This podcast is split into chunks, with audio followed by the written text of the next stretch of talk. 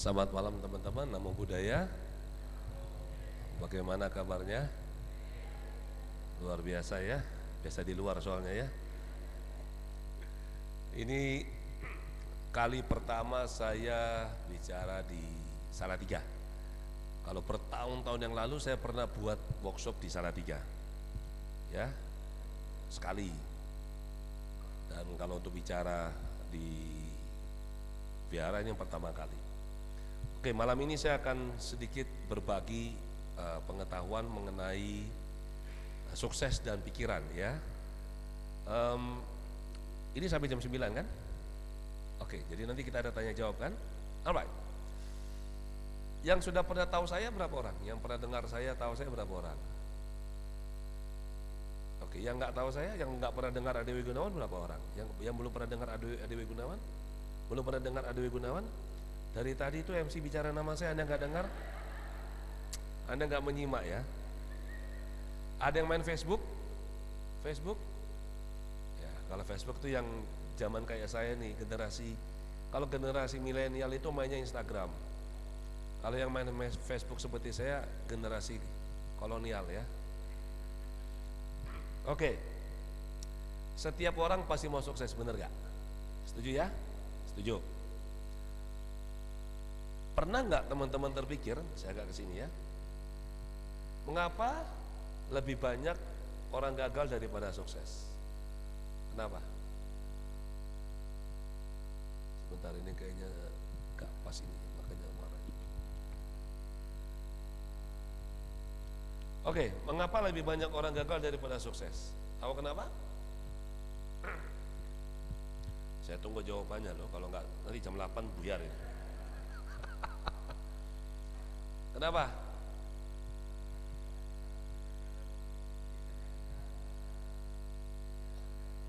Gitu ya, kalau gagal menyerah ya. Terus apa lagi? Kenapa lebih banyak orang gagal daripada sukses? Gak berani mencoba. Tapi ada juga orang coba tapi nggak berhasil. Banyak tak? Presentasi orang gagal sama sukses lebih banyak yang mana? Lebih banyak yang gagal. Kenapa? Biasanya jawabannya kalau saya kasih konsultasi, konseling ya, jumpa umat Buddha itu jawabannya sangat spiritual. Kenapa kok belum berhasil? Ya sudah karma saya, oh keren loh, hebat loh ini dia tahu loh sudah karma loh, ya, ya sudah nasib saya. Apakah seperti itu? Jawabannya tidak. Oke, malam ini saya akan berbagi beberapa hal dan ini menjadi missing link. Hal-hal yang selama ini kita tidak sadari dan sebenarnya itu berkontribusi besar terhadap keberhasilan kita. Oke. Karena judulnya adalah meraih sukses dengan kekuatan pikiran, saya mau tanya dulu nih. Sukses itu apa?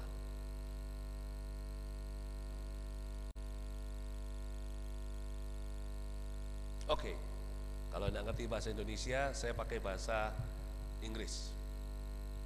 Mungkin Anda tidak mengerti bahasa Indonesia, saya tanyakan diam. So, what is success according to you? What is the definition of success according to you? You don't, oh how come I, I speak English but you answer me in bahasa Indonesia, come on. Juga nggak bisa jawab pakai bahasa Inggris. Saya pakai bahasa Mandarin mau nggak? Apa itu sukses? Definisi yang paling simpel adalah sukses itu karma baik yang berbuah matang, betul? Itu sukses. Gak setuju? Awas loh, ini pembicara kalau nggak disetujui gimana? Tak boleh loh ini. Sukses itu bahasa yang paling mudah adalah adalah karma baik yang berbuah dan matang dan kita nikmati. Gitu kan? Berikutnya. Sukses ini sebenarnya bukan sekedar karena nasib atau karma. Sukses bisa dirancang, dicapai secara sadar. Banyak saya jumpa umat Buddha selalu, ya Pak Adi, udah karma saya. Saya bilang kamu itu terlalu banyak nonton TV tayangan yang Kamis malam itu loh. Ngerti maksud saya ya? Nonton yang Kamis malam itu Dikit-dikit ini karma saya, dikit-dikit karma saya. Karma saya kok sedikit kan begitu. Jadi sukses itu bisa bukan sekedar nasib atau karma. Sukses bisa dirancang dan dicapai secara sadar. Ini yang kita harus pahami. Soalnya kalau ya saya nggak sukses ini karena karena masa lampau saya. Terus gimana ngerubah masa lampau itu? Bener gak? Ini pemahaman yang kurang tepat itu. Saya menemukan, saya terapi orang mulai tahun 2005. Sekarang ini sudah 15 tahun saya membuat pelatihan itu Quantum Light Transformation dulu namanya Becoming a Money Magnet itu mulai tahun 2005 juga. Oke, sudah 15 tahun. Jadi itu saya menemukan pola. Ada orang yang sebelumnya nggak bisa sukses, macam-macam. Dia bilang ini karena karma lah, ini karena sudah suratan lah, ini karena ujian lah, macam-macam alasannya. Tapi begitu ada sesuatu yang berubah dalam diri mereka, maka sukses itu begitu mudah diraih. So ada apa ini sebenarnya? Ya. Jadi saya ulang ini sekali lagi, sukses bukan sekedar karena nasib atau karma. Sukses bisa dirancang dan dicapai secara sadar. Nah, kalau bicara sukses, sering kali kita ini pemahamannya kurang tepat. Kalau kita bicara sukses, pasti pemikiran kita sukses mengenai apa ini? Di bidang apa? Uang, betul nggak? Benar, itu yang paling mudah diukur karena orang yang penghasilannya X dengan yang 5X pasti lebih banyak, lebih sukses yang 5X, benar gak? Tapi sebenarnya aspek hidup kita ini tidak cuma uang. Ada delapan aspek, itu yang saya tulis di buku. Oke? Ini delapan aspek kehidupan. Ada aspek spiritual, finansial, bisnis karir, keluarga, pengembangan diri, petualangan atau wisata, liburan begitu kan? Sosial, mainan. Mainan itu maksudnya apa? Materi. Ya. Nah, kita usahakan sukses itu kalau bisa seimbang. Memang tidak mudah tapi bisa. Banyak orang yang fokus hanya pada finansial, bisnis karir, suksesnya luar biasa. Spiritualnya kering, keluarganya berantakan. Ada yang ketemu kayak begitu kan? Banyak. Kita perlu balance dan harus tahu prioritas. Paling penting itu yang mana sebenarnya? Finansial, bisnis, keluarga paling paling penting. Paling penting keluarga itu paling tinggi. Kita bisa kehilangan finansial, kita bisa kehilangan bisnis, tapi jangan sampai kehilangan keluarga. Ya, nah ini ada delapan aspek ini, nggak cuma uang. Saya ngerti uang itu penting, Pentingnya nomor dua setelah oksigen. Tidak ada oksigen kita mati. Tidak ada uang setengah mati. Betul? Oke, spiritual. Apa yang kita ingin capai? Hidup seperti apa yang ingin kita jalani dalam hal spiritual? Kita mau jadi orang seperti apa? Teman-teman, tolong ya, perhatikan benar. Ada perbedaan antara spiritual dan ritual. Pergi ke vihara setiap hari, baca parita tiap hari, itu ritual. Spiritual itu apa yang terjadi di dalam diri kita. Pengembangan batin maksud saya. Itu spiritual, ya. Kalau sudah bertahun-tahun ke vihara, buku parita tuh hafal luar dalam, tapi orangnya tidak mengalami transformasi, tidak berubah batinnya, itu berarti tidak ada peningkatan sama sekali. Ada yang kurang tepat dalam proses belajarnya berarti. Jadi spiritual ini sangat penting. Kita harus tahu, kita mau sukses spiritualnya seperti apa, harus jelas. Setelah spiritual, oke, okay, saya bicara yang kayaknya spiritual nggak menarik ya. Gambarnya seperti ini kelihatannya kesannya kok. Coba saya kasih gambar berikutnya, langsung matanya semuanya tertuju pada layar, coba lihat. Loh iya, tuh langsung, apa itu pak? sukses finansial. Oke? Kalau Anda mau sukses secara finansial, Anda harus tahu berapa nominal rupiah yang Anda ingin capai. Harus jelas itu. Pikiran kita harus bisa melihat benar.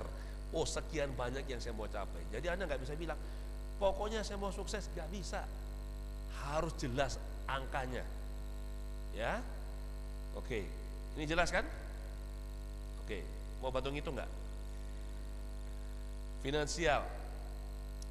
Dan yang namanya ukuran kaya itu teman-teman bukan berapa besar rekening bank kita. Yang namanya kaya bukan berapa banyak uang yang kita punya. Kaya itu sebenarnya sederhana. Ukurannya bukan nilai rupiahnya. Kaya itu ukurannya perasaan cukup. Itu kaya. Ya. Jadi kalau orang dia merasa cukup dengan jumlah sekian, dia sudah kaya.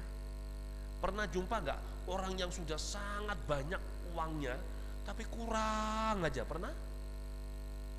Dan sampai tua itu tetap kerja, tidak bisa menikmati apa yang dia punya, benar?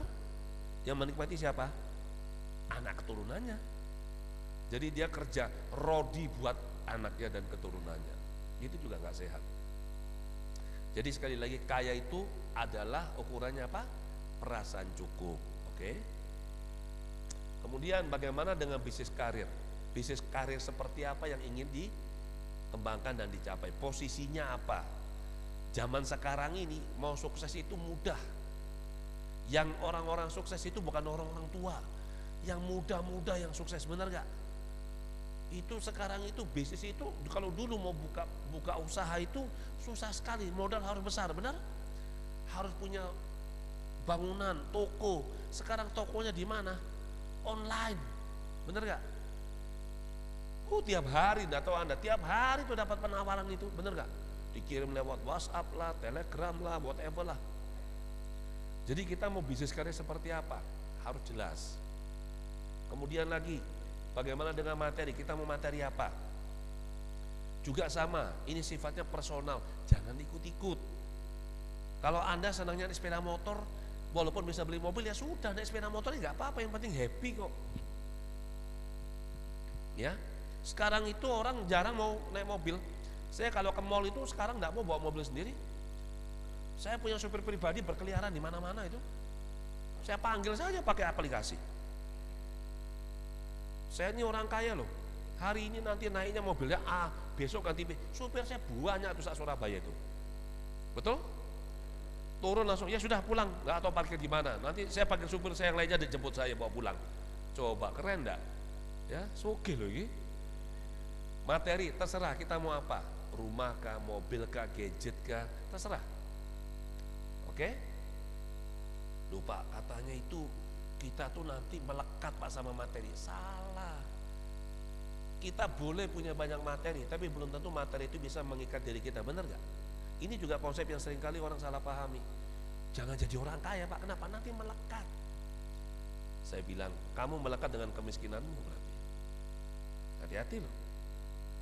Ya esensi ketidakmelekatan itu bukan kita tidak memiliki barang banyak benda banyak materi banyak esensi ketidakmelekatan adalah kita tidak membiarkan apa yang milik-milik kita itu memiliki kita. Kelihatan apa bedanya di situ? Apa yang kita miliki jangan sampai dia memiliki kita. Itulah esensi ketidakmelekatan ya. Bagaimana dengan keluarga? Ini penting nih. Seringkali orang lupa, yes pokoknya keluarga pak, nikah selesai pak, tiba-tiba punya anak. Gak sengaja tuh punya anak tuh pak, nggak sengaja tapi satu dua tiga empat nggak sengaja katanya. Terus nggak diurus. Anak besar besar sendiri. Nggak bisa. Zaman now sekarang ini kita harus lebih hati-hati. Kasih waktu buat keluarga. Komunikasi suami istri harus bagus. Ya banyak orang tua tuh sibuk kerja. Anak-anak itu tidak terurus dengan baik terabaikan. Nanti kalau anaknya sudah agak dalam tanda kutip sudah mulai nggak bener. Apa jawabannya paling gampang? Aduh ini sudah karma saya Pak Adi. Coba selalu gitu tuh. Semua karma kasihan loh si karma itu. Ya. Jadi kita harus fokus. Sukses berkeluarga seperti apa? Kita harus punya kriterianya. Oh keluarga yang sukses itu ada keluarga yang seperti ini ini. Kita punya kriteria kita bisa kejar itu mencapai itu. Kemudian bagaimana dengan pengembangan diri dan kesehatan oke pengembangan diri termasuk ini apa kepribadian perilaku kita, kesehatan bagaimana. Oke? Semakin tua lihat ini tetap sehat, bahagia. Mau nggak seperti ini? Maka kita harus mulai menjaganya mulai sekarang. Biasanya kalau orang masih muda, dalam bahasa Mandarin itu ada ya. Mereka tuh waktu masih muda kerjanya luar biasa, kerja keras, mengorbankan kesehatan. Setelah tua, mereka mau membeli kembali kesehatan itu. Dalam bahasa Mandarin dikatakan, waktu muda, yao qian pu yao ming. Mau uang nggak mau nyawa. Sudah tua, yao ming pu yao qian. Mau kesehatan mau nyawa, udah nggak mau duit nggak bisa badan kita itu perlahan-lahan kita bentuk sekian tahun. Kalau kita nggak hati-hati tuanya nanti susah. Nah sukses dalam hal kesehatan adalah apa? Tua hidupnya senang tentram sehat bahagia. Jangan cuma bilang saya mau umur panjang. Eh umur panjang sakit-sakitan itu menderita atau enggak? Umur panjang dan sehat bahagia. Harus ada target. Bagaimana dengan ini? Sukses di bidang liburan. Ayo kalau liburan ke mana saja ini? Salah tiga ke mana? Masa salah tiga temanggung gitu enggak? Hah? Di mana pak? Kopeng? Ya? Atau salah tiga Semarang begitu? Mau liburan ke mana? Harus punya goal. Kalau bisa saran saya desainlah liburan bersama keluarga. Itu asik itu. Oke? Terserah mau ke mana? Pernah nggak ke Lapindo? Surabaya, Sidoarjo, pernah? Pernah? Bagus ya Pak ya? Itu salah satu objek wisata keajaiban dunia. Oh enggak serius, benar. Bayangkan, itu ngebor minyak, keluarnya lumpur. Yang ngebor swasta, yang ganti rugi negara. Coba hebat enggak itu? Dan menenggelamkan sekian banyak desa. Ya Anda boleh pergi sesekali itu di Lapindo sana. Terserah Anda mau liburan ke mana. Dan liburan itu gak harus yang jauh-jauh. Liburan bersama keluarga, mungkin ke taman, ke mana hal-hal yang kecil. Yang penting punya makna kebersamaan itu. Oke? Bagaimana dengan relasi? Relasi itu artinya hubungan antara ayah, ibu, suami istri, ayah, anak, hubungan kita dengan orang tua, hubungan kita dengan sesama. Kalau kita sukses dalam membangun relasi, berarti kita punya banyak teman, Oke, ke mana-mana ada teman kita. Tapi biasanya ada juga orang yang di luaran itu bagus, di dalam sendiri tidak bagus. Pernah ngalamin kayak gitu nggak ketemu? Di luaran tuh wah bahasa Inggrisnya kerapiak begitu kan? Oke, ternyata di rumah nggak cocok. Artinya apa? Relasinya nggak bagus. Orang itu punya problem, tidak seimbang. Oke lah, semuanya sudah sukses ini, finansialnya bagus, spiritualnya bagus, kesehatannya, keluarganya. Satu lagi, kita perlu ingat juga sosial. Ya. Kalau sudah punya, walaupun belum banyak berbagilah. Oke? Kalau mau berbuat kebaikan itu jangan tunggu kaya. Kita harus membiasakan diri berdana. Berdana itu bukan hanya untuk orang itu, Berdana itu adalah cara yang sangat bagus memprogram pikiran kita bahwa kita orang kaya, itu berdana. Ya, orang yang sering berdana itu pasti rezekinya lancar, pasti. Dia memprogram pikirannya dia untuk jadi orang kaya. Sebenarnya bukan untuk jadi orang kaya. Waktu kita berdana, sebenarnya pikiran kita, bawah sadar kita sudah bilang, ini orang kaya ini, dia bisa berbagi apa yang dia punya. Oke? Nah sekarang, Mau sukses, yang sukses kan manusia kan? Saya bicara manusia. Sekarang, manusia menurut Dhamma ini apa sebenarnya manusia? Kita ini apa sebenarnya? Saya bukan bilang kita ini siapa loh. Kita ini apa sebenarnya menurut Dhamma? Simpel kok. Manusia itu adalah pancakanda kan itu aja kan? Lima unsur kan? Jadi manusia itu adalah menurut Dhamma ya, ada komponen batin, nama, ada komponen rupa atau jasmani, Manusia ya sudah ini aja, nggak lebih, nggak kurang. Persis. Dalam komponen batin ini ada empat. Ada winyana, ada sanya, ada wedana, ada sangkara. Kalau rupa jasmani ya seperti ini. Apabila laki ya modelnya seperti saya, Apabila wanita modelnya seperti yang satunya, ya, yang namanya wanita organnya yaitu, yang namanya pria organnya yaitu fisiknya pasti. Perkara ada yang putih, ada yang agak coklat, ada yang rodok mangka, itu lain cerita. Ya, tapi fisiknya bentuknya kurang lebih sama. Oke? Saya tidak akan membahas mengenai rupa, karena rupa juga banyak orang yang kepingin sukses, banyak loh. Dilihat itu mulai turun, langsung apa? Facelift, ya, botox, ya benar ya. Ibu-ibu, bapak-bapak nggak ngerti itu, ibu-ibu yang ngerti biasanya, ya. Nah saya bicara dari sisi batin. Untuk mau sukses kita harus bisa mengolah yang ini, yang batin ini. Ya, kalau saya bicara kesadaran, pencerapan, perasaan, bentuk pikiran nanti itu terlalu terlalu tinggi. Saya nggak bilang simpel saja. Saya akan menerangkan dari perspektif psikologi barat. Sebenarnya ini sangat nyambung ya. Saya sederhanakan. Pikiran dan perasaan. Oke? Ini yang harus kita kelola kalau kita mau berhasil dalam kehidupan kita. Tentu mengelolanya menggunakan apa? Kesadaran, itu tentu ya. Saya kutip dari statementnya Buddha Gautama di pada satu ayat satu dinyatakan bahwa apa? Pikiran adalah pelopor dari segala sesuatu. Pikiran adalah pemimpin, pikiran adalah pembentuk. Teman-teman pernah nggak terpikir? Pernah baca Dhammapada kan? Pernah terpikir nggak? Mengapa Dhammapada satu ayat satu itu bicara langsung soal pikiran? Kok nggak bicara yang lain? Kenapa? Semua itu karena pikiran. Semua saya tuh nerapi orang tuh ribuan. Masalahnya macam-macam. Ada yang sudah ke sini ke sana lah, sudah tidak bisa-bisa. Begitu dicari di dalam dirinya dia, di kedalaman pikirannya dia, di situ ada sumber masalah.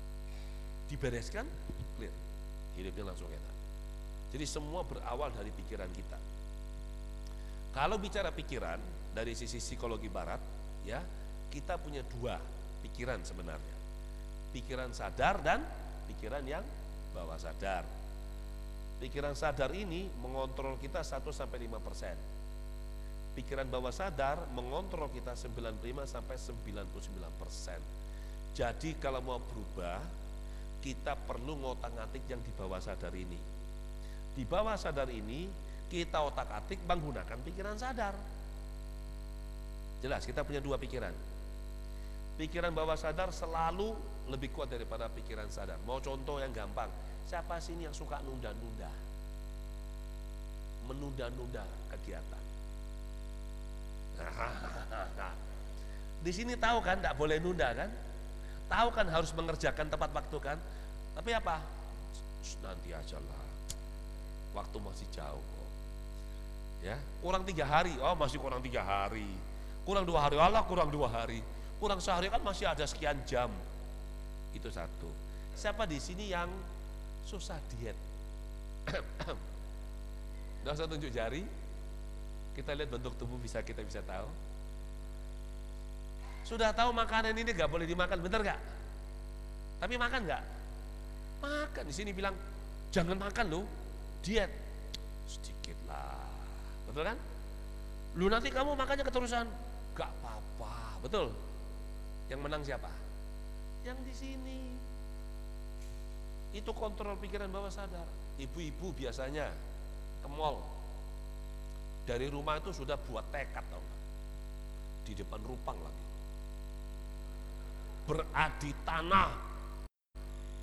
Aku bertekad melatih diri tidak membeli barang-barang yang tidak aku butuhkan sekarang dan seterusnya. Wah, yakin, yakin dia.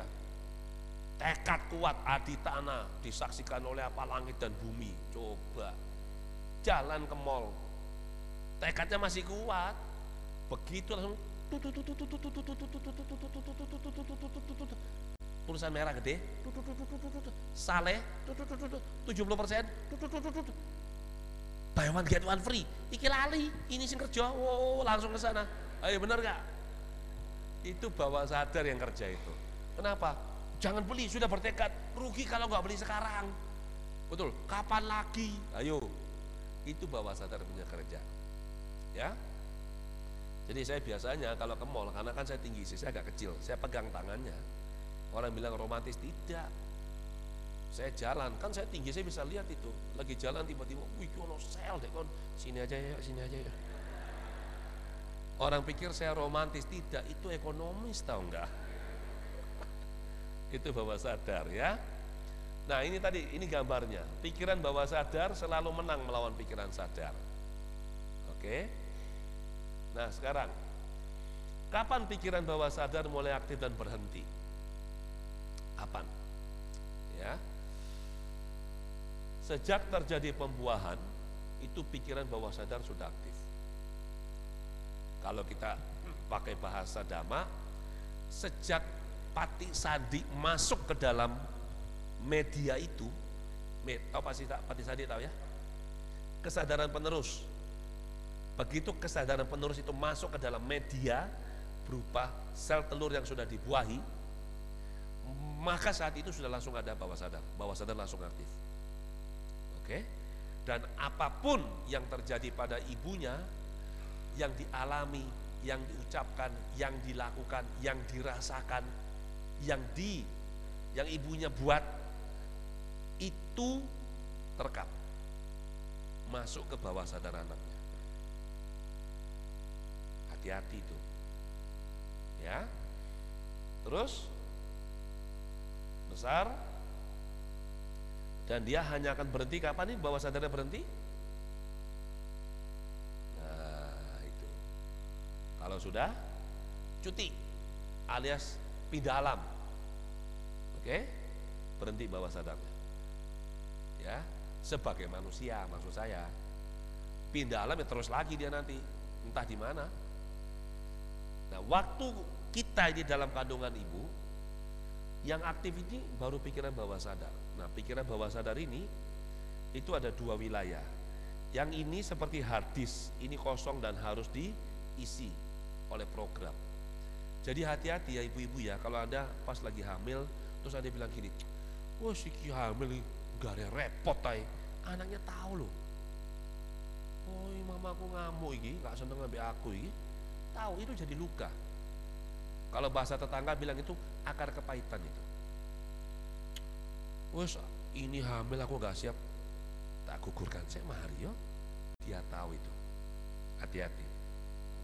Begitu Anda hamil, Anda bilang, wow ini kapal baik berbuah luar biasa ini sekarang ada calon anak ini dia tahu so hati-hati ya jadi ini adalah wilayah yang kita isi mulai dalam kandungan terutama sampai kira-kira usia 10 tahun itu yang paling kritis apa pun yang nanti diucapkan oleh seseorang ibunya kepada anak lingkungan terhadap anak itu terekam semuanya bisa menjadi program yang positif maupun yang negatif Program maksudnya apa? Oh kamu cantik, kamu pinter, kamu bodoh, welek. Itu semua terekam. Hati-hati. Mengucapkannya hati-hati. Kalau mau mengenalkan anak pada dhamma seusia dini mungkin. Karena saat itu belum ada filter pikiran. Jadi apa pun yang kita beritahu diterima sepenuhnya tanpa bisa di filter ya. Nah ini yang biru ini berisi program-program untuk keselamatan hidup. Anak bayi baru lahir begitu dikasih ASI langsung bisa betul siapa yang mengajari dia nggak ada itu sudah insting itu program itu nah setiap anak lahir lahir dengan 100 miliar sel otak. Berarti anda saya semuanya modalnya sama. Lahir 100 miliar sel otak di sini. Nggak ada lebih nggak ada kurang. Tapi yang menarik statement Di Samyutta Nikaya 1227 Buddha menyatakan apa? Sesuai dengan benih yang Anda tanam itulah buah yang akan Anda peroleh. Jika Anda menanam benih yang baik, maka Anda akan menikmati buah yang baik pula. Ini biasanya orang bilang apa? Ini soal karma, enggak cuma itu. Apabila kita sebagai orang tua menanam benih yang baik ke dalam pikiran bawah sadar anak kita, maka kita akan memetik buah yang baik. Apa benih yang baik? Ucapan-ucapan yang baik, penghargaan. Anak merasa dicintai, anak merasa didukung. Kamu bisa nak? Oh nggak bisa mak. bisa. Ayo sini mama bantu coba, pasti bisa. Kalau kamu nggak coba masa tahu. Ayo coba anak kamu pasti bisa berhasil. Anak mama nggak ada yang bodoh, semuanya pintar. Ayo. Begitu dia percaya dia pintar, pintarlah dia. Itu software saja yang bekerja. Tapi coba mulai kecil. Sekolah gak iso gak iso, goblok Yo gak iso gak iso setelah ngerepoti ya. Anak tuh oke, okay, aku nih bodoh, aku nih ngerepoti. Udah gede bodoh beneran dia. Kemarin saya buat seminar, ini maka suaranya masih belum pulih 100%. Dua hari lalu di Malang, tanggal 31, saya buat seminar untuk sekitar 400-an orang guru. Guru yang untuk out pendidikan anak usia dini. Saya panggil maju satu orang peserta. Ya, wanita, umur sekitar 20-an gitu. Saya bilang, eh, kamu ngitungnya nggak pernah teliti loh kamu tuh. Selalu kelebihan satu. Satu tambah satu berapa? Apa dia bilang? Tiga. Dua tambah dua berapa? Lima. Yakin? Yakin. Temennya pada tertawa. Karena saya ngerti caranya, saya bisa menginstal langsung program cepat sekali ke bawah sadarnya. Dan itu disaksikan temannya semua. Saya bilang hati-hati jadi guru PAUD, jangan sembarang bicara sama anak-anak. Karena itu akan membekas dan terbawa sampai dewasa. Kemudian saya kasih lagi sugesti. Program. Saya bilang setiap kali saya berkata luar biasa, maka Anda akan angkat tangan kanan Anda begini, kemudian Anda turunkan. Udah setelah itu saya suruh dia turun duduk di tempat di, di kursi peserta. Saya cerita lagi, saya memaparkan materi, tiba-tiba saya bilang ini sungguh luar biasa. Dia angkat tangan, temennya ketawa ngakak. Itu namanya post hipnotik. Jadi kalau anak kita bilang kamu tuh bodoh, gak kira iso, matematika tuh angel. Setiap kali ketemu matematika, angel. Tapi kalau kita bilang, oh matematika tuh mudah dan menyenangkan. Begitu ketemu matematika, mudah dan menyenangkan. So hati-hati, apa yang kita tanam, itu benih. Tanamlah benih yang baik. Jadi Anda sekarang, saya, ini adalah hasil programming lingkungan ditambah kita 0 sampai 10 tahun ditambah setelah kita dewasa kita bergaul sama siapa ya. Nah, program ini bisa mendukung dan bisa menghambat. Orang-orang yang sukses itu berarti di dalam dirinya itu berisi banyak program-program yang mendukung suksesnya dia. Orang yang sulit sukses itu adalah orang yang di dalam dirinya dia banyak program yang menghambat keberhasilannya dia. That's it. Sesimpel itu. Oke? Dan program ini sekali lagi letaknya di bawah sadar. Nah, apa yang dimaksud dengan program pikiran? Tadi saya sudah jelaskan sekilas ya. Program pikiran ini adalah belief atau kepercayaan. Jadi bila Anda percaya Anda bisa, Anda bisa. Anda percaya Anda nggak bisa, Anda nggak bisa. Anda percaya cari uang itu mudah, mudah. Anda percaya cari uang itu sulit, sulit. Anda percaya Anda cantik, cantik. Anda percaya Anda jelek, Anda jelek. Semua itu program. Oke? Jadi kalau sampai programnya salah, kepercayaannya salah, ya sudah amsyong benar itu, habis itu. Kemarin saya membantu di sini saran saya ya kalau anda main Facebook, anda nge-like saya punya Facebook, saya beri banyak uh, beri, menulis mengenai kisah-kisah inspiratif, pengetahuan-pengetahuan, ya pengalaman, banyak saya posting di situ. Anda bisa belajar. Saya hari Minggu kemarin ini, ini hari apa ini? Sabtu ya, berarti yang minggu yang kemarin ini. Itu saya menerapi satu orang anak muda, umur kurang lebih 40. Dosen, dia lulusan S2. S1-nya itu skripsinya mengenai microcontroller itu sulit sekali. Saya S1-nya elektro, saya tahu betul itu barang sulit itu. Microcontroller prosesor. S2-nya mengenai visual imaging, bagaimana dia bisa membuat gambar itu sampai dikenali oleh komputer. Semacam artificial intelligence, pintar sekali orang ini. Tapi ditawari posisi dekan nolak dia sudah diterima kuliah S3 di Jepang, di perguruan tinggi top di Jepang, gak berani berangkat. Kenapa? Karena ada program yang menyatakan dia itu tidak berharga. Dia itu Kalau jumpa orang banyak itu tidak berani. Bicara, ini dosen loh padahal, bicara di depan umum seperti saya gini nggak berani. Saya cek, berapa orang maksimal dia nyaman? 17. 17 paling banyak. 18, ah, langsung nggak nyaman. Saya bereskan dalam satu sesi terapi. Oke? Selesainya langsung mukanya berubah. Waktu saya ajak bicara duduk di kursi saya, laki-laki nih badannya gede. Iya Pak Adi. Uh, iya aku ini. Suaranya kecil. Takut salah. Selesai saya proses clear. Kemarin dilalah dua hari yang lalu ke kantor. Dia ada urusan.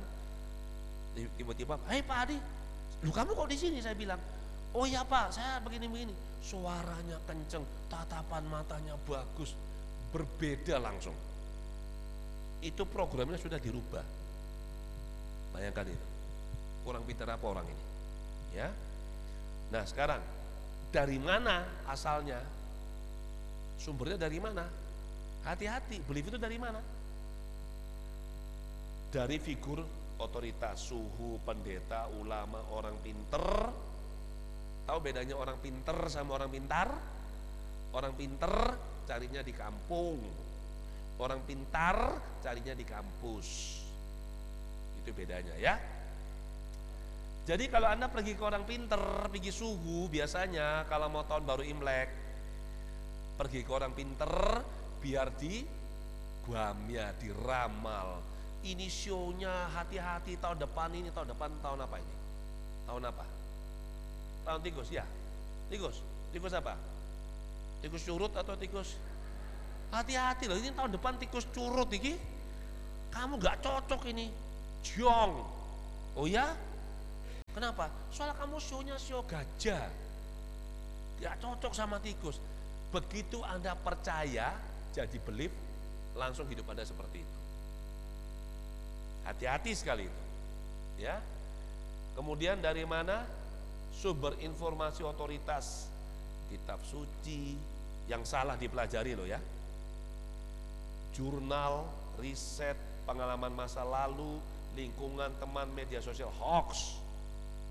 Saya jumpa satu anak muda, ya, dari Semarang, klien saya, pinter, lulusan luar negeri, anak baik, lulusan luar negeri, pinter, pernah mau bunuh diri. Terus dia tanya, dia bilang gini, Pak Adi, saya ini hidup tidak bahagia. Belum merit ya, paling sekitar 30 umurnya. Kenapa nggak bahagia? because life is suffering. Saya bilang, yakin kamu? Betul itu, Mbak. Ya, jadi dia belajar macam-macam. Dia belajar Buddhism, belajar Hindu, belajar Katolik, belajar Kristen, Christianity, belajar macam-macam. Ya, hidup adalah duka. Waduh mantap saya bilang. Duka terus hidup kamu kalau kayak gitu saya bilang. kamu itu belajar agama Budanya nggak tepat. Bukankah itu yang diajarkan Sang Buddha? Yang diajarkan Sang Buddha itu empat hal. Nomor satu, kebenaran mulia tentang adanya duka. Nomor dua, kebenaran mulia tentang asal mula duka. Yang ketiga, kebenaran mulia tentang padamnya duka. Yang keempat, cara untuk mencapai itu. Ada delapan cara. Pandangan benar, pikiran benar, ucapan benar, tindakan benar, mata pencaharian benar, daya upaya benar, konsentrasi benar, samadhi benar. Kamu hanya bilang life is suffering. Pertanyaan saya, kalau itu kamu terima, kamu jalankan nggak yang delapan ini? Oh ada ya Pak yang delapan itu? Ha -ha. So belajar jangan setengah-setengah, tahu nggak? Kayak spiritual spiritual loh saya bilang gitu. Kasihan nih salah belajar soalnya. Ya, dan duka itu banyak artinya. Hati-hati saya bilang. So, itu. Tapi ya Pak Adi ya, saya sudah ke orang pinter. Saya pernah jumpa ini, klien saya dari Solo. Wanita, nggak tahu masih sekarang di mana posisinya ya. Jadi umurnya itu sekarang saat itu umurnya sudah sekitar 50, suaminya 52 apa 53. Dulu sebelum mereka menikah, mereka ke orang pinter di Semarang. Orang pinter saat itu kan umur baru 20. Orang pinter ini bilang begini, kalau kamu nikah sama dia, Kalau hoki lancar, enak. Cuma suamimu ini nggak bisa lewat 55. Dulu wes gak rekan bocap wes masih panjang perjalanan kan umur baru 20 lebih hidupnya enak sukses. Bagus keluarga bahagia. Tapi suami sekarang sudah lebih dari 50 menuju 55 jadi dia itu sekarang makin khawatir sama suaminya. Kalau suaminya tidur dia mati napasnya. Kalau suaminya bilang gini sama anak-anaknya kalian ini ya jadi orang tuh harus rajin. Waduh ini semua pesen-pesen ini. Jadi dia cemas gelisah. Ya stres sampai apa? Ada benjolan di payudara. Stres. Kemudian lewat seorang uh, seorang uh, umat dikenalkan ke saya. Saya proses. Ternyata dia stresnya gara-gara itu. Loh Pak Adi ini kan sudah mau 55 loh Pak. Jadi suami saya tinggal 2-3 tahun lagi mari gini baik-baik Pak. Terus aku ya opo Pak? Saya bilang lo kok isa gitu loh. Nah akhirnya saya perbaiki itu. Ya. Lupa tapi saya eh, selalu begitu kalau klien ya. Tapi kan sudah di, dibaca Pak. Garis tangan saya sudah dilihat Pak. Oleh siapa? Oleh yang di situ tuh Pak. Katanya saya punya peruntungan ini kurang. Kok dia oh, saya juga bisa lihat garis tangan kok saya bilang kok. Eh mana garis tangannya? Mana? Coba mana garis tangannya? Tak lihati wes tak lihati is ono wes kan saya cuma ngeliat garis tangan kan begitu dia percaya begitu kita percaya bahwa peruntungan kita tidak bagus karena garis tangannya kita ini tidak bagus atau sebaliknya begitu kita percaya bahwa peruntungan kita bagus, kesehatan kita bagus, keluarga kita harmonis karena garis tangan, apa pun itu. Begitu kita percaya, jadi. Lupa tapi garis tangan harus jangan tapi-tapi, tak tunjukkan gambar. Orang nggak punya garis tangan pun sukses kok, iki delon. Betul? Tuh. Masa depan tidak ditutup oleh garis tangan Bahkan orang yang tidak punya tangan bisa hidup bahagia dan punya masa depan cerah. Ini dulu masih single, ini sekarang sudah punya anak tuh, empat orang. Bahagia tuh, gak ada tangannya, gak ada kakinya, punya anak, happy. Isinya normal, anaknya normal semua. Nah, kalau dia percaya, dia nggak punya tangan itu hidupnya menderita, menderita dia itu. Ya, lupa Bagaimana dengan karma? Pokoknya suka suka ini, suka bantah orang-orang itu. Kalau karma bagaimana? Nomor satu berhenti nonton TV, saya kasih tahu. Oke. Lupa Adi, kan karma itu ada. Yang bilang nggak ada tuh siapa? Karma itu ada, iya bener. Tapi ingat bahwa terlahir sebagai manusia itu sulitnya luar biasa, bener gak? Berarti kalau kita sekarang terlahir sebagai manusia, maka di kehidupan lampau kita, kita ini punya karma baik yang sangat besar. Maka terlahir sebagai manusia. Artinya modalnya kita ini sebenarnya bagus. Jadi jangan pusing soal kayak begitu. Terlahir sebagai manusia itu sulitnya luar biasa. Yang bilang ini bukan saya loh ya, ini di Dhammapada loh ini. Percaya enggak? Percaya ini Buddha yang bicara, bukan saya. Saya cuma mengutip. Nah, empat hal yang tidak terpikirkan dan tidak perlu dipikir. Kalau dipikir bisa gila kita. Four dalam bahasa Inggris, four imponderables. Empat hal yang tidak bisa dipikirkan dan tidak ada gunanya kita pikirkan. Apa itu? Satu, jangkauan para Buddha. Saat satu bodhisattva itu menjadi Buddha, kayak Buddha Gautama, kita tidak akan bisa tahu sebagai umat biasa, kita tidak akan bisa tahu jangkauan seorang Buddha. Welas asihnya, pengetahuannya, kebijaksanaannya, daya batinnya, kita tidak akan bisa tahu seberapa jauh itu, seberapa besar, seberapa dahsyat. Jadi jangan mikir. Nomor dua, jangkauan seseorang yang berada di dalam jana jadi jangan mikir orang kalau dalam jana itu bisa apa, gimana. Udah, itu tidak akan bisa terpikirkan oleh orang biasa. Oke? Nomor tiga nih akibat dari kama. Terus bagaimana cara kerjanya? Anda masa tahu sekarang yang Anda petik sukses itu dari karma yang mana? Bu, karma yang Anda tanam kapan? Kehidupan yang mana? Tahu nggak? Nggak tahu. So jangan mikir.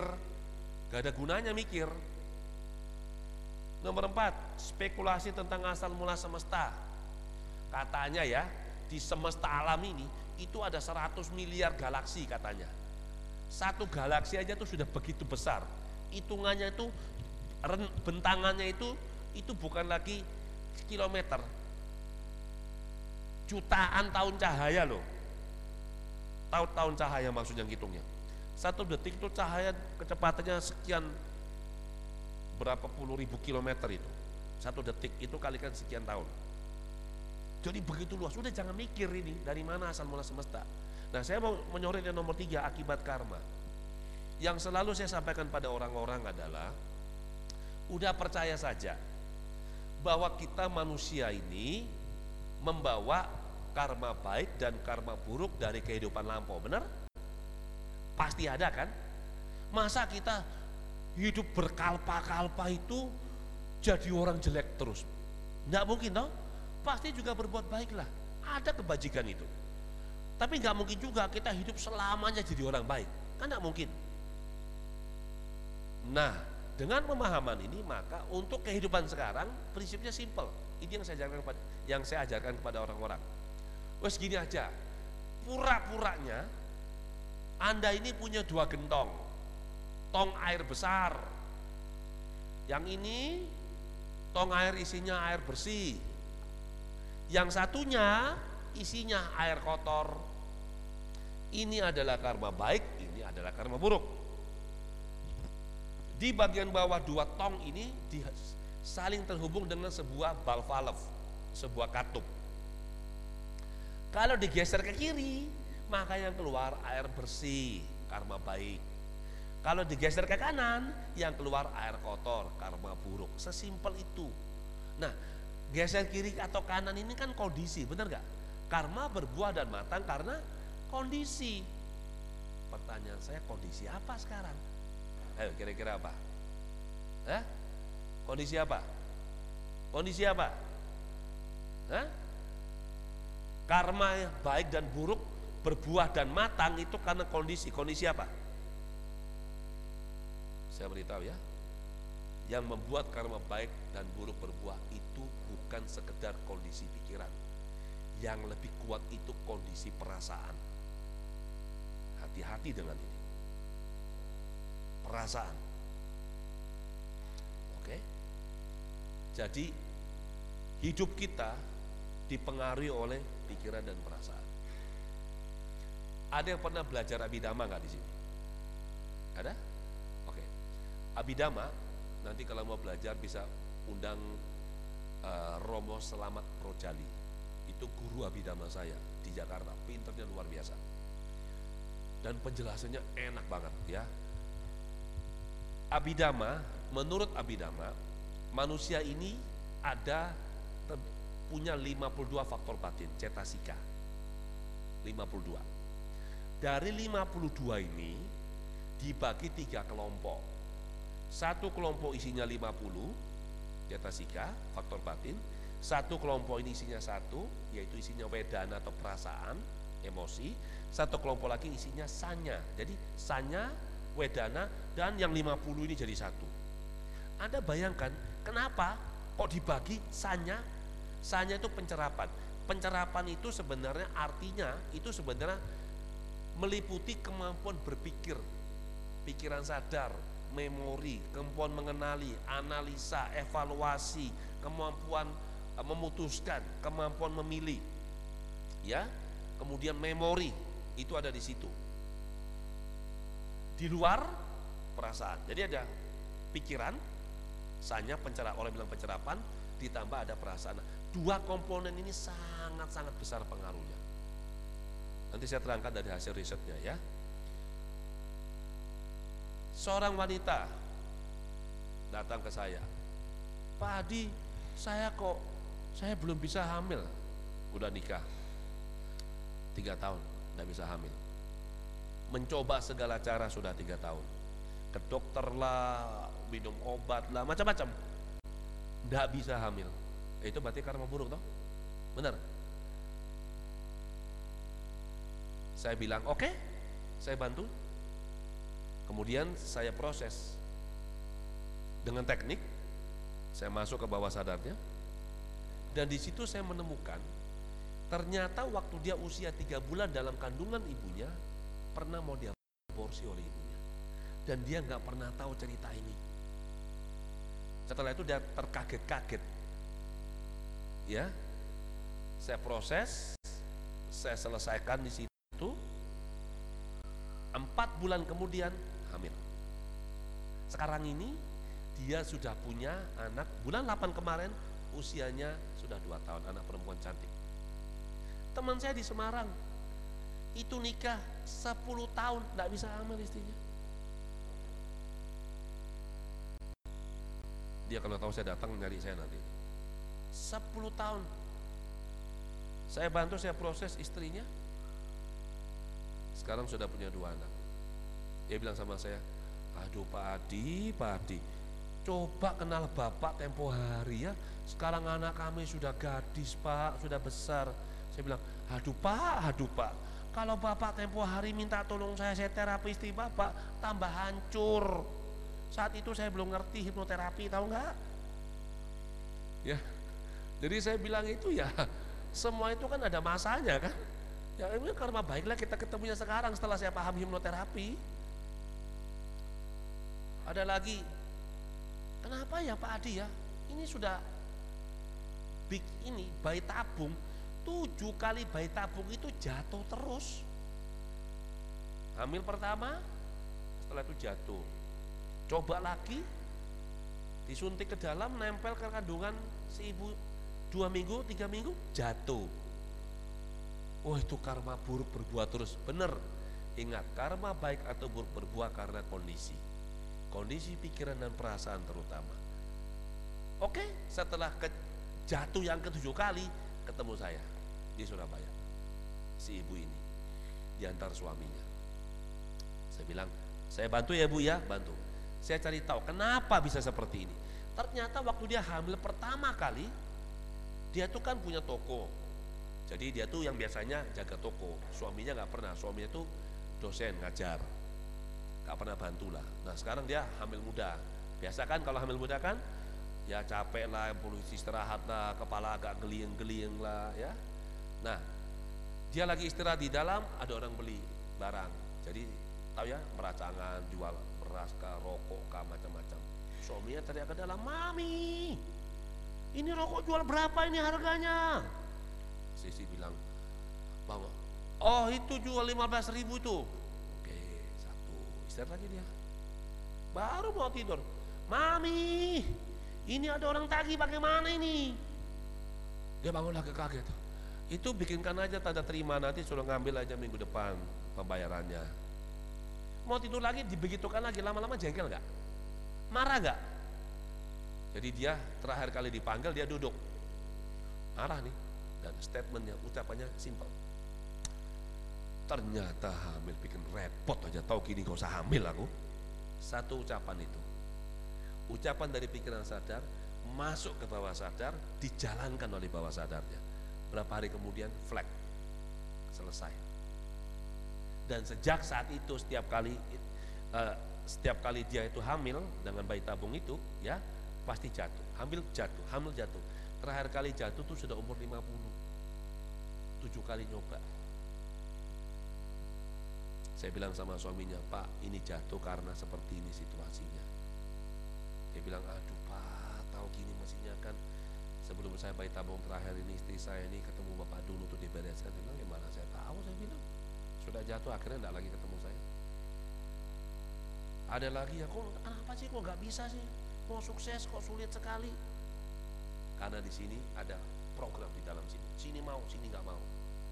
Tapi begitu dilepas luar biasa. Ada yang susah jodoh gampang dapat. Ada seorang ibu-ibu di Medan ibu-ibu rumah tangga rumah tangga ibu-ibu. Pulang habis diberesin ya. Dia ikut pelatihan dia bereskan blocking blockingnya itu dalam waktu empat hari dia jual properti properti loh ya. Empat hari tahu nggak omsetnya berapa? Empat hari tok kira-kira berapa? 21 miliar. Empat hari. Karma baik atau karma buruk? Sebelumnya susah jualan setelah itu mudah. Kenapa? Karena kondisi sudah berubah kondisi di mana? Ada di bawah sini. Ini yang mengunci kita sebenarnya ya. Oke lanjut. Nanti kita tanya jawab. Nah saya menawarkan rumus sukses. Saya tulis di buku bahwa untuk sukses itu selalu ada dua faktor. Ada faktor karma atau disebut juga faktor Tuhan faktor karma dan faktor manusia. Ini dua harus ada untuk bisa sukses. Pernah nggak mencoba sudah mencoba segala cara sudah kurang sedikit lagi berhasil. Eh nggak dapat pernah nyoba kayak pernah ngalami kayak begitu? Itu ya sudah tidak bisa apa-apa. Kita sebagai manusia sudah berusaha sangat keras sungguh-sungguh yakin bisa dapat. Karena karma tidak mendukung ya nggak dapat selesai. Mau apa lagi? Jadi harus ada dua komponen. Kalau teman-teman yang lain bilang itu faktor Tuhan. Tuhan tidak meridoi nah karena kita tidak tahu soal God factor atau karmic factor ini ya sudah ini jangan diurus. Ngerti? Jangan terlalu pusing kira-kira ini karma baik saya mendukung apa enggak sudah. Intinya adalah kita kondisikan pikiran dan hati kita untuk bisa sukses. Nah human factor isinya apa? Ada be sama do. Seringkali orang fokus pada do. Do do do do do do, do. dia kerja kerja kerja kerja kerja kerja kerja. Dia tidak tahu di dalam ini ada blocking ada hambatan di dalam sini. Aku nggak bisa. Ya, dia mau sukses di dalam sini bilang kamu nggak berharga. Oke, mau langsing di sini bilang nggak iso. Ada nggak kayak begitu? Pilih langsing tapi di sini nggak enak. Artinya sini ada yang menolak. Nah, kita harus membereskan yang B. Kita bereskan B-nya. Kalau B-nya bagus, dunya kerjakan sedikit pasti bisa dapat. Ini simple kok rumusnya. B sikapnya kita, karakternya kita, pola pikirnya kita, kepercayaannya kita. Pernah jumpa teman yang kerjanya santai tapi hasilnya luar biasa ada nggak? Pernah jumpa teman yang ngoyo kerjanya luar biasa keras hasilnya big zero? Ada? Apa artinya itu? Yang kerjanya santai itu binya bagus, vibrasinya enak, ketemu orang tuh kok nyenengkan yang satunya ini, ini bu, barang saya bagus, bagus barang saya. Iya barangmu bagus, mukamu nggak bagus. Kita enek nggak senang sama dia, benar nggak? Jadi itu dari terpancar dari dalam ya. Nah, kayak tadi di depan saya sudah jelaskan bahwa sukses itu ada aspek-aspeknya. Nah, ini kita perlu tetapkan goalnya. Kita mau aspek finansial kah, bisnis karir kah, materi kah, liburan kah, harus punya goalnya. Saya terbiasa bikin goal. Kalau liburan saya bikin goal bersama sama keluarga. Ya, tahun lalu kami mau bikin uh, kami mau kepingin ke luar negeri satu keluarga tapi bulan 12 tahun lalu tapi Januari anak kami menikah ya sudah terpaksa kami cancel. Bulan 12 nanti kami akan pergi satu keluarga. So bikin goal bersama. Mau ke mana? Target dikejar bersama-sama ya. Kemudian, nah Anda perlu menetapkan sebuah goal paling lama 12 bulan ke depan ya Goal itu jangan besar-besar. Saya pengen jadi milioner. Sekarang berapa? Sekarang saya durung, kecil pak hasilnya pak. Jangan terlalu besar. Bikin goal itu maksimal 12 bulan. Nanti kalau sudah tercapai, naikkan lagi. Tercapai, naikkan lagi, begitu loh. Kalau terlalu besar, sini nggak blok, sini nggak enak biasanya. Paham ya? Oke. Nah ini, ini adalah 12 Januari 2019, ini anak kami, ya ini saya istri dua putri kami ini besan dan anaknya juga dua. Ini di pusdiklat uh, Sika Damasanti Bumi yang di BSD oke? Dan pada saat kami memutuskan untuk menikahkan anak ini pestanya itu di tanggal 24 Januari. Ini pemberkatan nikah di 12 Januari. Di sana saya tanya sama besan mau ngundang berapa bante? Besan saya bilang kalau bisa sembilan 9 itu angka yang paling tinggi. Wah, oke. Okay. Itu goalnya. Sekarang apa? mikir karma, susah. Saya hanya bilang, ya yes, pokoknya berusaha kalau karma baiknya atau kuat ya kita bisa mengundang banyak bante datang. Harus ada action, nih, harus ada ada dunya, bener gak? Kalau saya berharap Bante datang nggak dikasih undangan, datang nggak Bantenya? Nggak datang, harus ada action. Maka yang kami lakukan adalah apa? Kami mengundang biku jauh-jauh hari. Ada yang nggak punya channelnya lewat teman, kamu punya nggak nomor HP-nya Bante yang ini? Punya, tolong dong. Kemudian di WhatsApp selamat malam Bante, perkenalkan saya Dewi Gunawan. Saya minta uh, mengundang Bante berkenan untuk hadir, bla bla bla bla bla bla bla. Eh kok dilala tuh bisa semua yang hadir ini. Dan lebih luar biasa lagi adalah apa? Tiba-tiba Bante Sombat muncul. Panitia bingung. Pak Adi bagaimana bisa ngundang Bante Sombat? Saya bilang Bante Sombat yang mana? Itu tuh. Pak Adi kok, kok bisa ngundang? Ini sulit sekali ngundang beliau ini. Saya bilang, saya nggak ngundang. Lu kok bisa? Tiba-tiba beliau datang. Entah dari mana mampir sebentar di situ. Pas selesai acara, kami ngajak foto. 9 tambah satu kan 10 nih. Tambah ada satu biku yang menetap di situ hari itu. Jadi semua 11. 1, 2, 3, 4, 5, 6, 7, 8, 9, 10, 11. Ini rata-rata Mahatera ini. Dan yang memberikan ceramah, memberikan wejangan itu adalah yang mulia Bante Panyawaro. Yang lebih luar biasa lagi. Nah ini saya bilang ini sudah karma bermain. Para biku ini mereka datang kumpul di situ. Setelah acara, masing-masing punya kegiatan. Ada yang langsung ke Bogor, ada yang ke Jakarta, ada yang ke mana. Jadi kayak kumpul sebentar untuk acara, setelah itu langsung mencar. Nah, saya bilang ya ini kuat-kuatan karma saya bilang. Yang penting sudah berusaha. Saya berusaha mengundang juga Bante Utamo. Jauh-jauh hari, tapi saya tahu jadwal beliau minta ampun padanya, benar gak? Beliau luar biasa pada dan beliau menyatakan mohon maaf, kepingin hadir. Tapi karena ada kegiatan yang sudah bisa ditinggal, ya nggak apa-apa Bante kirim blessing aja Bante. Ketemu di Medan kapan hari? Aduh maaf ya Pak Adi kapan hari saya mau nggak apa-apa Bante. Yang penting Bante sudah kasih blessing, saya sudah lega saya bilang. Ya, so kalau kita nggak melakukan tindakan bisa nggak mengundang biku-biku? Nggak bisa. Bayangkan sebelas loh. Oke? Nah sekarang memahami the law of attraction, hukum daya tarik. Kita bisa mengatur banyak hal dengan pikiran kita. Salah satunya ini LOE ya. Kita bisa menarik hal-hal baik atau hal-hal buruk. Sampai sini hati-hati ya. Anda pernah nanti kalau mau coba ya, pas ke mall kayak Sabtu begini, Anda ke mall. Yang paling ramai sini mall mana yang susah susah sekali dapat parkirnya? Mall mana? Gak ada mall. Semarang gak ada mall. Oh, oh sorry salah tiga, oh saya ingat Semarang. Oh mohon maaf, mohon maaf. Di sini Ramayana, ya itu bolehlah mall nggak apa-apa lah ya. Itu bukan mall, itu mal. Parkirnya susah kan? Anda cari tempat yang susah parkirnya. Kemudian sebelum Anda berangkat dari rumah, Anda niatkan, saya mau dapat satu tempat parkir di lokasi yang strategis, yang enak, yang aman dan nyaman. Kemudian Anda berangkat. Anda akan dapat itu.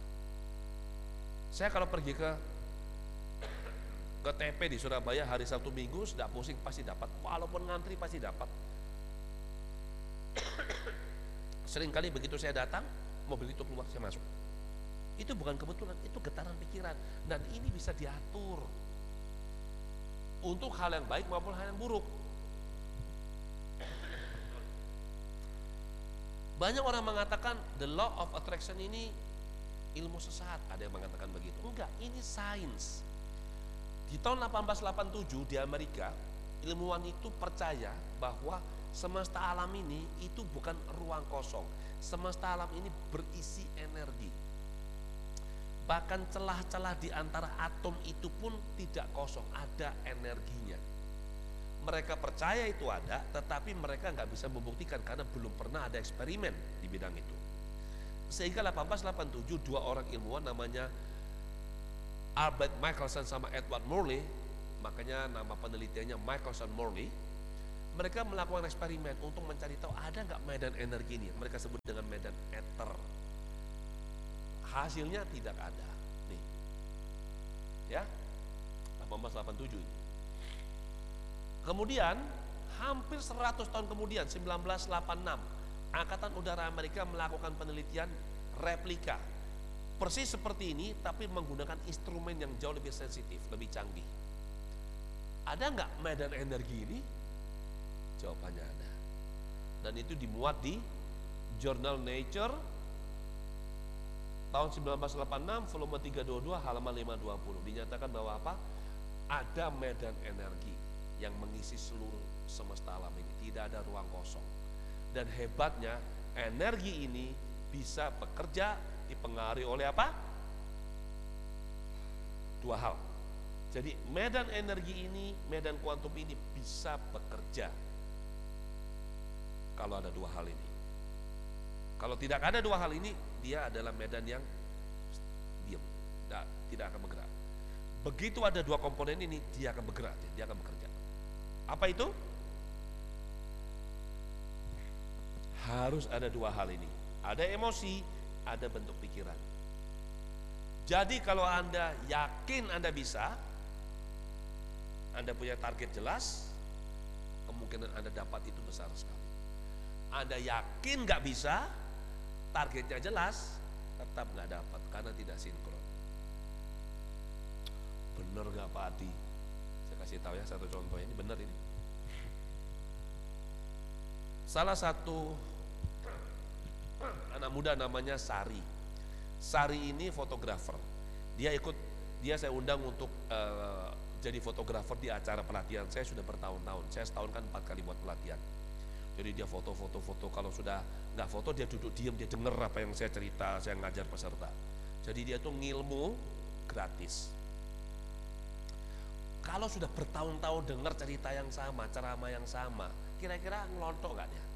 Hafal nggak? Dan saya mengajarkan teknik namanya the secret of manifesting. Bagaimana menggunakan kekuatan pikiran untuk bisa apa? Menarik hal-hal yang diinginkan. Memanifestasi, mewujudkan hal-hal yang diinginkan secara sadar. Dan hari itu Sari diundang oleh temannya yang menikah. Jadi dia datang sebagai teman dan sebagai fotografer. Teman dia datang, dapat job sebagai fotografer. Dapat undangan enggak dia? Dapat di situ diumumkan bahwa hadiah pertama, sorry, ini baksonya kurang. Hadiah pertama door prize adalah emas 24 karat seberat 20 gram. Sari mau barang itu. Yang hadir nggak banyak, 800-an. Jadi kemungkinan dia dapat, kira-kira semua kepingin enggak door, door prize nomor satu? Semua kepingin.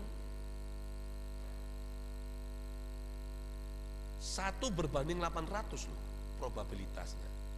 Dan itu bukan pakai yang potongan tuh di adu-adu diambil itu enggak. Pakai roda itu loh. Tahu? Diputar. Nanti di atasnya ada penunjuknya. Penunjuknya. Nol. Oke, kosong lagi. Ker tak tak tak tak tak tak tahu itu kan? Sari dapat enggak dapat enggak Sari? Kalau nggak dapat ngapain saya cerita? Sari dapat 20 gram. Pertanyaan saya itu kebetulan atau apa? Tidak. Dia bisa menggunakan emosinya dengan teknik bentuk pikirannya jelas dia maunya apa setelah itu dia lepas boom dan biarkan medan energi itu bekerja sekarang. Semua kepingin tapi semua tidak ngerti prinsip ini. Sari dapat dia nggak cerita sama saya. Saya tahunya lewat apa? Lewat Facebook. Dia memamerkan tuh dia dapat 20 gram. Saya langsung bilang sama dia kamu berutang royalti pada saya loh ya kalau kamu nggak memberikan sebagian kepada saya mendanakan itu, berarti kamu tidak membuat kebajikan atau karma baik kepada saya. Ya awas kamu. Jadi itu langsung. Apakah Sari repot memikirkan kira-kira karma baik saya mendukung apa enggak kira-kira begitu? Tidak. Jadi faktor karma itu ada yes. Tapi kita nggak tahu bagaimana cara kerjanya, betul nggak? Satu satu contoh lagi. Salah seorang teman di Jakarta, pengusaha. Suaminya pulang dari Tiongkok. Ini kejadian sekian tahun yang lalu. Pulang dari Tiongkok, tiba-tiba badannya panas. Padahal suaminya seorang dokter. Masih belum tahu kalau itu radang otak loh. Berapa hari kemudian tiba-tiba koma. Dibawa ke Singapura, ke rumah sakit terkenal itu di Singapura. Ya. Yang di belakangnya Laki Plaza Paragon itu. Saya nggak usah sebut namanya, Anda tahu lah ya. Terus dibawa ke sana, dokter bilang apa? Sudah terlambat. Ini sudah koma, sudah nggak bisa diapa-apain. Ini adalah tokoh Buddhis, dia seorang aktivis. Tanya Bante, Bante bilang baca parita, terutama malam hari nggak boleh berhenti. Baca parita, wah baca nanang lewat satu hari, baca lagi sambil diupayakan. Sampai dia ngundang beberapa teman-teman juga datang bantu gantian malam-malam. Satu hari dia atas saran seorang teman dia pergi ke sebuah kelenteng untuk semacam kayak uh, perdana lah. Di Semalu sana tahu kan? Ada ada uh, biara uh, kelenteng Kuan Yin ya Kuan Miao ya. Nah dia ke sana. Di depan itu kan ada anti-anti biasa jual bunga dupa ya kan buah begitu. Jadi dia beli Begitu dia mau masuk ke dalam ke dalam uh, wihara kelenteng itu, itu kan ada ada temboknya dulu, pintu, baru semacam kayak ada teras, situ ada hiolo di tengah-tengah orang biasa sembayang, pai pai pai pai, setelah itu baru masuk ke dalam. Jadi dia lihat pengemis, langsung dia ambil uang refleks dia ambil ini oke saya dana atas nama suami saya. Dia masuk, masuk ya bakar dupa, kemudian dia uh, dana bunga buah, kemudian juga ya dia inilah jamsi lah, jamsi obat Biasanya yang membaca jam si itu datang jam 2. Hari itu jam 10 sudah datang. Aneh kan? Jamnya bilang apa? Ini bagus.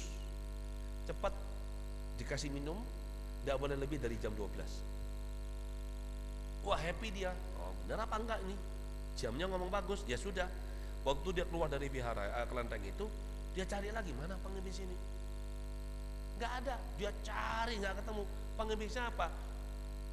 udah kakinya lumpuh, matanya buta, rabun lagi sudah buta satu, sebelahnya rabun lagi. Jadi dia tanya sama anti-anti di situ, itu tadi pengemisnya mana?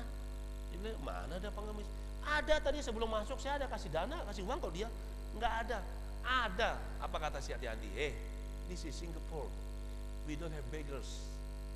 没有乞丐这些里，这是新加坡，没有乞丐。 Tidak ada pengemis di sini. Baru dia sadar benar juga ini Singapura ini tidak ada pengemis. Ya udahlah gak usah ribut. Karena jamnya kan tidak boleh lewat ini. Dia segera pulang ke rumah sakit.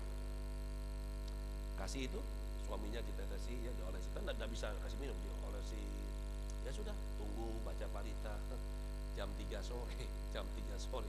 Suaminya bangun melek panggil dia. Eh panggil nama istrinya istrinya kaget. Suami bilang lapar minta makan itu dokter sudah bilang tidak mungkin bisa sembuh. Pertanyaan saya, kok bisa sadar orangnya? Ya itu karma. Betul? Tapi kan paling tidak isinya melakukan sesuatu kan? So tetap ada faktor karma itu. Kita tidak tahu bagaimana cara kerjanya. Yang kita lakukan adalah yang diri kita kita atur, ya. Jadi kembali ke sini, emosi yang jelas plus bentuk pikiran itu akan mengakses medan kuantum sehingga dia bekerja. Jadi kalau Anda cemas mengenai hal yang negatif, Anda takut nanti sakit-sakit Anda. Di sini pernah nggak ibu-ibu ngepel atau pembantu ngepel di sebelah sana, Anda lagi di sini, tiba-tiba anak Anda jalan, Anda kepikiran, jangan-jangan kok pleset. Belum selesai Anda mikir, gelodak, wah anaknya nangis, ngalami kayak gitu. Siapa yang bikin anak itu jatuh? Getaran pikiran Anda, hati-hati. Jadi emosi plus bentuk pikiran itu sifatnya netral. Anda mikir yang jelek, Anda dapat. Anda mikir yang baik, Anda dapat. Hati-hati dengan ini. Nah sekarang, bagaimana kita supaya menambah kebajikan, menambah karma baik? Simple. Ya, salah satunya adalah apa yang paling mudah? Sering-sering meditasi lah Betul nggak? Ini menambah karma baik nih. Saya pernah belajar di salah satu kelas abidama yang saya ikuti katanya ya hitungan karma itu begini persatuan pikiran bukan satuan waktu persatuan pikiran jadi dalam satu detik begini itu pikiran muncul ya muncul bertahan padam muncul bertahan padam muncul bertahan padam itu dalam satu pikiran ini muncul bertahan padam itu ada satu triliun kali satu detik jadi dibilang sekedipan mata itu ada satu triliun jadi kalau kita mikir jelek satu detik itu satu triliun karma buruk itu. Kita mikir baik satu detik satu triliun karma baik. Itu hitungannya begitu ya. Nah sekarang kalau kita bermeditasi kita kan memfokuskan pikiran benar gak? Nah meditasi itu apa? Saya kutip dari yang mulia Bante Panyawaro. Meditasi adalah membawa pikiran dengan penuh kesadaran pada satu objek tertentu Meditasi perlu dilakukan setiap hari karena persoalan batin lebih pelik dari persoalan jasmani. Rangsangan indria datang setiap kita sadar. Ada orang tanya saya, loh tapi saya ini kan sibuk Pak Adi, jadi kalau sibuk berapa lama meditasinya? 30 menit lah. Wow, cek lamanya. Saya ini orang yang super sibuk. Ya sudahlah kalau kayak gitu satu jam lah. Semakin kita sibuk, semakin kita butuh meditasi. Oke? Saya bisa jelaskan kalau meditasi dari sisi fisik kayak apa, organ-organ, tapi akan sangat panjang itu. Ya, di lain kesempatan. Nah, kembali ke sini. Be, do. Ya, saya menyarankan teman-teman perbanyak meditasi cinta kasih. Ini membentuk, ini membuat karma baik yang luar biasa. Tapi kenapa orang meditasi cinta kasih gak berhasil? Gak ada perubahan, tahu nggak kenapa? Ayo coba apa yang dilakukan kalau meditasi cinta kasih? Siapa sering meditasi di sini? Hanya beberapa ini umat Buddha loh ini. Oke, siapa yang tidak pernah meditasi tapi nggak mengaku? Meditasi cinta kasih teman-teman tidak tidak saya biasa kalau di wihara puja bakti saudara-saudara sedamang untuk menambah satu perbuatan kebaikan kebajikan. Sekarang marilah kita bermeditasi. Meditasi cinta kasih. Ucapkan dalam hati sabe sata bawantu suki tata betul gitu ya ucapkan berulang-ulang betul ya sampai kapan ada saya mau tanya anda bilang sabe sata bawantu suki tata sabe sata ada yang merasakan metanya enggak itu ada meta di belakangmu. Ya meta ya. Ya. Anak pintar ya. Jadi satu statement sabe sata bawon sukitata nggak cuma disebut, diresapi. Terus diterjemahkan, terjemahannya salah lagi. Coba apa terjemahannya? Ayo sabe sata bawon sukitata apa terjemahannya? Sabe sata tuh nggak ada semoganya tahu nggak? Sabe sata tuh semua makhluk, nggak ada kata semoga. Itu kita nggak yakin itu semoga semua makhluk bahagia. Itu dari bahasa Inggris may all beings happy. Jadi sabe sata bawa tusuk kita semua uh, semuanya nggak ada semua makhluk hidup bahagia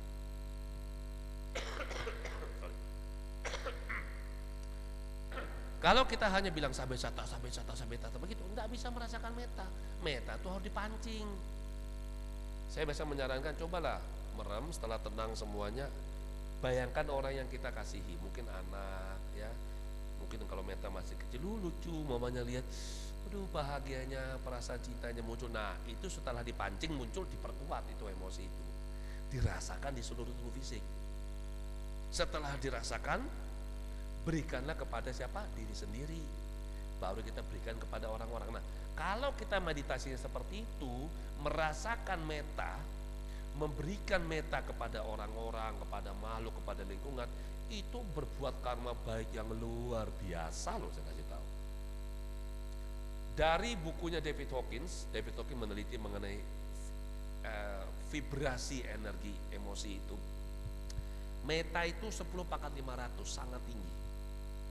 Ya, meta itu 10 pangkat 500. Jadi tinggi banget itu energinya. Lanjut, ini penelitian dari Harmat. Kalau orang pikiran perasaannya kacau kayak begini, ini energi jantungnya ini tidak bisa sinkron bila ini, kacau. Tapi begitu dia bisa bagus, koheren seperti ini keluarnya. Dan tubuh kita ini ada dibungkus oleh medan energi ini namanya torus seperti buah apel ini. Ya ini hasil riset. Manusia punya berapa otak? Manusia punya berapa otak? Berapa? Manusia punya berapa otak? Berapa? Tiga. Di mana saja? Kanan, kiri, tengah. Bukan. Manusia punya tiga otak. Otak yang pertama yang di dalam tempurung kepala ini. Ya, ya ada otak kiri, otak kanan. Ada otak triun, reptilian brain, mammalian brain, neocortex. Otak yang kedua itu adalah jantungnya kita. Oke? Ada jauh lebih banyak serabut saraf yang dari jantung ke atas daripada yang otak ke jantung. Jadi sebenarnya jantung mengontrol otak kita. Yang ketiga adalah kita punya daerah pencernaan sini, itu juga otak. Jadi kita punya tiga.